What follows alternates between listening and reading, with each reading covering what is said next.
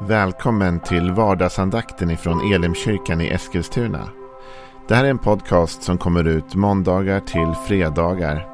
Om du vill veta mer om vilka vi är, vad vi tror på, hur du kan komma i kontakt med oss eller vad vi kan erbjuda dig för någonting så gå in på www.elimkyrkan.com. Får jättegärna gå in och likea vår Facebook-sida. Det är facebook.com elimeskilstuna. Eller så söker du upp oss på YouTube och då söker du på Elimkyrkan Eskilstuna. Vi vill jättegärna komma i kontakt med dig. Men nu lyssnar vi till dagens andakt. Varmt välkommen till vardagsandakten. Vi är tillbaka, we're back, äntligen.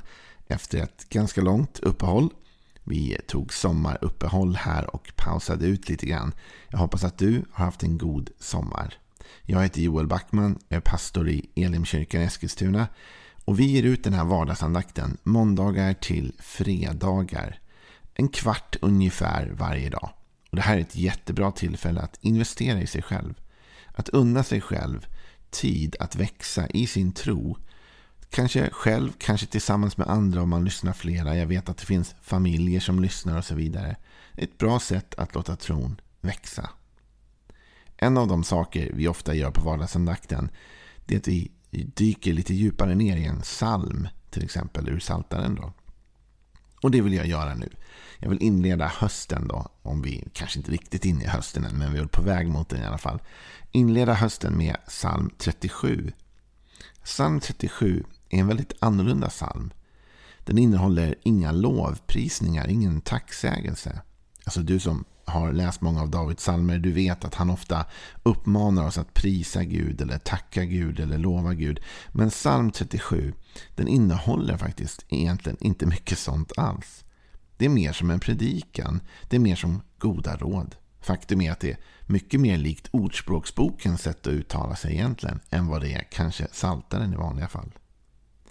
Men det är David som har skrivit den här salmen och i min bibel, som jag läser det nu då, som är folkbibeln 2015, så är rubriken Det gudlösas skenbara lycka. Och det handlar om att inte reta upp sig över de ondas framgång till synes då, utan att finna sin glädje på andra sätt. Och Vi ska läsa igenom den första versen. Och Hela den här salmen är uppbyggd liksom väldigt mycket som just Ordspråksboken med korta påståenden kan man säga. Formade efter det hebreiska alfabetet. David har liksom skrivit detta väldigt poetiskt. Då, att det börjar liksom så och vandrar igenom alfabetet. Och I den första versen så säger David så här i psalm 37, vers 1. Gräm dig inte över de onda Avundas inte de som gör orätt. Snart torkar de bort som gräs, vissnar som gröna växter. Man antar att David var lite äldre när han skrev den här salmen och att det är liksom en viss formad här nu vishet som kommer till oss som lyssnare till den här sången då, som det egentligen är. Jag skulle vilja säga att det här är en väg till lycka. Lycka är också att avstå från att gräma sig. Alltså vi tänker att vi lycka är att uppnå någonting. Men ibland är lycka också att avstå någonting. Lyckan kan finnas i att avstå att ta anstöt. Att avstå att gräma sig. För att gräma sig är ganska jobbigt. Jag vet inte om du har gjort det någon gång. Har du någon gång gått och grämt dig över någonting?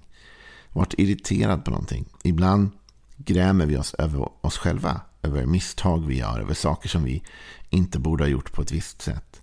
Men ibland så grämer vi oss också över andra. Vi tycker att det var värst vad det verkar gå bra för de där personerna. Och det är typiskt att de alltid ska ha haft en bra semester. Och det är typiskt att de alltid ska göra det roliga och deras barn alltid med om bra saker och vad det nu kan vara.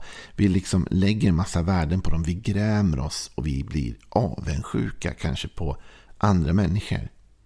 Ofta är ju gnället någon sorts förklädd avundsjuka, eller hur? Jag gnäller fast egentligen är jag avundsjuk. Det är typiskt att folk ska ha sådana där fåniga sportbilar. Men egentligen kanske jag tänker, oh, en sån där hade jag velat ha. Och så grämer jag mig. David säger, gräm dig inte över de onda.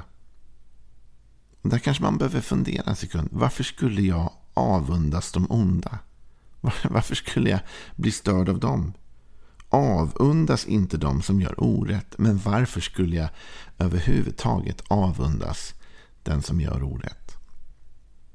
Jo, därför att ibland känns det som och ser det ut som att den som gör orätt och den som gör det onda kommer undan med det och har framgång. Tidigare under vardagsandakten så har vi gått igenom psalm 73. Du kan gå tillbaka och lyssna i arkivet. Liksom. Allting finns ju kvar både på Spotify och Apple och på vår hemsida elimkyrkan.com. Du kan gå tillbaka och lyssna att vi har gått igenom psalm 73. Det var en psalm skriven av en man som heter Asaf. Och, och han, han hade kommit in i en situation där han faktiskt avundades de som, hade det, som gjorde det som var dåligt. faktiskt. Jag tänkte bara läsa lite i början. Han talar om att han var nära att slinta och snav. Han höll på att komma in i ett feltänk. Och han säger så här i psalm 73 och vers 3. För jag greps av avund mot de högmodiga när jag såg de gudlösas framgång. Så här säger Afas att han, han var nära att snubbla och falla i sitt liv därför att han började bli avundsjuk mot de som egentligen var högmodiga och gudlösa. Och varför var han avundsjuk på dem? Jo, därför att det såg ut som att de hade framgång. Han blev avundsjuk på att de kom undan med sitt dåliga leverne och det till och med såg ut som att det kanske deras sätt att leva gav dem framgång och favör. Läser man vidare vad han säger så sa han De är fria från plågor fram till sin död. Deras kroppar är välnärda. De drabbas inte av mänsklig nöd. De plågas inte som andra människor.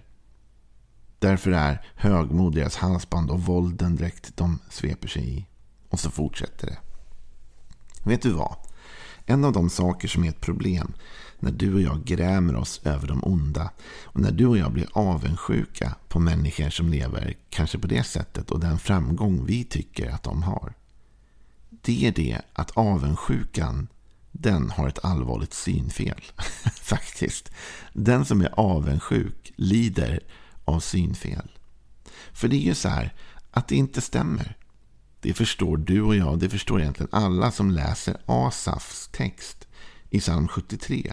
När han säger att de här människorna de är fria från plågor fram till sin död. Och Då måste jag ju fråga dig, känner du någon människa som är fri från plågor? Eller som har varit fri från plågor ända från det att de föddes, ända fram till sin död? Det är klart att sådana människor finns inte. De drabbas inte av mänsklig nöd och de plågas inte som andra människor. Sen. Och vi förstår ju att det här är inte sant. Men det som händer när du och jag blir avundsjuka på andra, när du och jag sätter mer fokus på vad andra har än vad vi har och när vi blickar in mot deras framgång och vi känner den här avundsjukan, det är att vi blir förblindade. Vi ser bara det som är fint. Vi ser inte det som är verklighet. Alltså i gammalt svenskt folkspråk så talar vi om gräset är grönare på den andra sidan, eller hur? Det där är ju någonting som nästan har blivit ännu mer relevant i vår tid. Därför nu har vi filter som vi lägger på våra bilder på Instagram och på Facebook och överallt. Och den bild jag matas med hela tiden från ditt liv är inte den sanna bilden. Jag kan lätt få för mig att du inte plågas som andra människor. Jag kan få för mig när jag ser dina Instagram-bilder att ditt hus aldrig är stökigt. Eller att liksom du aldrig mår dåligt. Eller att din gräsmatta alltid är perfekt klippt. Och att du alltid har massa pengar över på kontot. Och att du alltid kan göra allt det du vill göra. Och att varje dag är ett enda solsken. Men så är det ju inte. Och faktum är att då blir detta en väg rätt ner i olycka. Därför när jag jämför mig med dig och när jag tittar på ditt liv så blir jag deprimerad. Så tycker jag det är typiskt alltså att det ska gå så bra för dig hela tiden. Och så går det så dåligt för mig, eller hur? Jag går från mitt Instagramflöde med ditt städade kök rätt in i mitt kök som inte är städat. Och så känner jag bara, nej, mitt liv håller inte.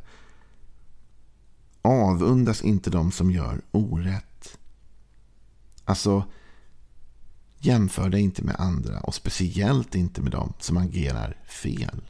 Tro inte att bara för att de kommer undan med något i stunden så kommer de alltid komma undan med det och så är deras liv glatt och lyckligt. När jag tänkte att jag skulle ge mig in på att kolla igenom den här salmen så tänkte jag att jag ska läsa lite andra översättningar också. Och eh, en av dem jag läste var The Message. Och i The Message, psalm 37, så tycker jag verkligen om hur det här är formulerat. Det står så här. Tänk inte mer på skrythalsarna. Var inte avundsjuk på de orättfärdigas framgång. Hux flux vissnar de som avklippt gräs och sloknar som snittblommor i solglaset. Återigen, tänk inte på skrythalsarna och var inte avundsjuk på de orättfärdigas framgång. Även här antyds det att ja, de orättfärdiga, de som gör fel, lever fel, de kan ibland ha framgång i det de gör. Men det innebär inte egentligen att deras gräs är grönare än vårt. Tänk inte mer på skrythalsarna. Jag gillar det. Du vet, du och jag, vi kan inte få tyst på skrythalsarna. Det är någonting vi gärna vill. Jag skulle önska att de var tysta. Ibland är väl jag en skrythals kanske, vem vet. Men jag skulle önska att det gick att få tyst på dem. Men faktum är att Bibeln säger inte att vi ska få tyst på dem som är skrythalsar. Bibeln säger bara att vi ska inte tänka på dem. Tänk inte på skrythalsarna. Med andra ord, låt dem stå där och gorma och gapa om sitt liv. Låt dem lägga ut sina bilder på Instagram och Facebook och allt, vilket jag också gör såklart. Låt dem lägga på filter och allt annat. Men du vet, du behöver inte tänka på det. Stör dig inte på det, gräm dig inte över det. Om det finns någon person på sociala medier som retar upp dig därför att deras liv ser så perfekt ut, måste du följa den personen? Kan du inte bara avfölja det kontot? Kan du inte istället välja att fokusera på något annat? Och inse att det du ser är inte verkligheten. Och inse att ondskan alltid hinner i kappen till slut. Du vet, man kan ta genvägar och egentligen kommer du märka genom den här salmen nu att David kommer återknyta till detta. Att det är sant att genom att ta en genväg här och var, genom att liksom göra någonting kanske orätt för stunden, så kan du få i stunden en vinning. Men det kommer ikapp dig förr eller senare. Bibeln är ju väldigt tydlig med det här. Bibeln talar om sådd och skörd. Bibeln talar om att den som sår i sitt kött får skörda förgängelse ur köttet. Kanske inte omedelbart. Man sår ju inte och skördar ju inte samma dag för det mesta. Utan först sår man någonting och sen väntar man. Men förr eller senare så kommer skörden tillbaka. Och det är det som står här. Och jag gillar hur The Message har skrivit. Hux flux vissnar de som avklippt gräs. Alltså, det kommer en tid då det kommer ikapp dem. Den som ständigt väljer det orätta för den snabba vinningen. Den som vill ha snabba cash så att säga hela tiden och alltid tar en genväg, alltid väljer det dåliga beslutet men för den kortsiktiga vinningen. Det kommer att komma ikapp den personen. Förr eller senare, hux flux, så vissnar gräset. Hux flux försvinner Instagramkontot och Facebookkontot och hux flux så ser vi, det var inget att vara avundsjuk på. Jag vet inte om du har sett det någon gång eller varit med om det, men jag har det. Jag har faktiskt sett människor som jag har varit avundsjuk på. Och sen har det gått lite tid, så jag har träffat dem igen och så har jag känt, jag vet inte varför jag var avundsjuk på det där. Det hände mig ganska nyligen. Jag sa till min fru, vi hade varit i ett sammanhang och träffat några personer. Jag sa, den där personen såg jag alltid upp till när jag var ung och var alltid avundsjuk på den där personen. Jag sa, men idag så inser jag att jag skulle inte vilja byta liv. Och det kan så lätt hända att det blir så ibland. Man ser någonting och så känner man, nej men det där lockar mig va. Men med tiden, hux flux, så har situationer ändrats. Och så står det, och sloknar som snittblommor i solglaset. Nu är det ju sommar, eller hur? Och säkert många av oss som har haft en liten bukett inne, lite snittblommor inne. Lite vackert. Och du vet hur fort de vissnar bort. Hur fort det är vackert ena dagen och nästa dag är det inte vackert längre. Utan det har liksom börjat vissna. Va? Det händer ganska snabbt det där. Så vad är det jag vill ha sagt den här första vardagsandakten? Och det är inte vad jag vill ha sagt egentligen. Utan vad är det vi tror David säger till oss? Han säger så här. Att vi ska inte gräma oss över de onda. Och inte avundas de som gör orätt. Även om det skulle se ut som att de faktiskt har framgång. Snart torkar de ju bort som gräs och vissnar som gröna växter. Jag vill uppmana dig, om du vill finna lycka den här hösten, så vill jag säga en sak till dig. Gå inte och gräm dig över andra människor. Varken onda eller goda. Jämför dig inte, gräm dig inte. Inse att den bild som du får matad till dig är inte hela verkligheten, utan det är bara det lilla som du får se.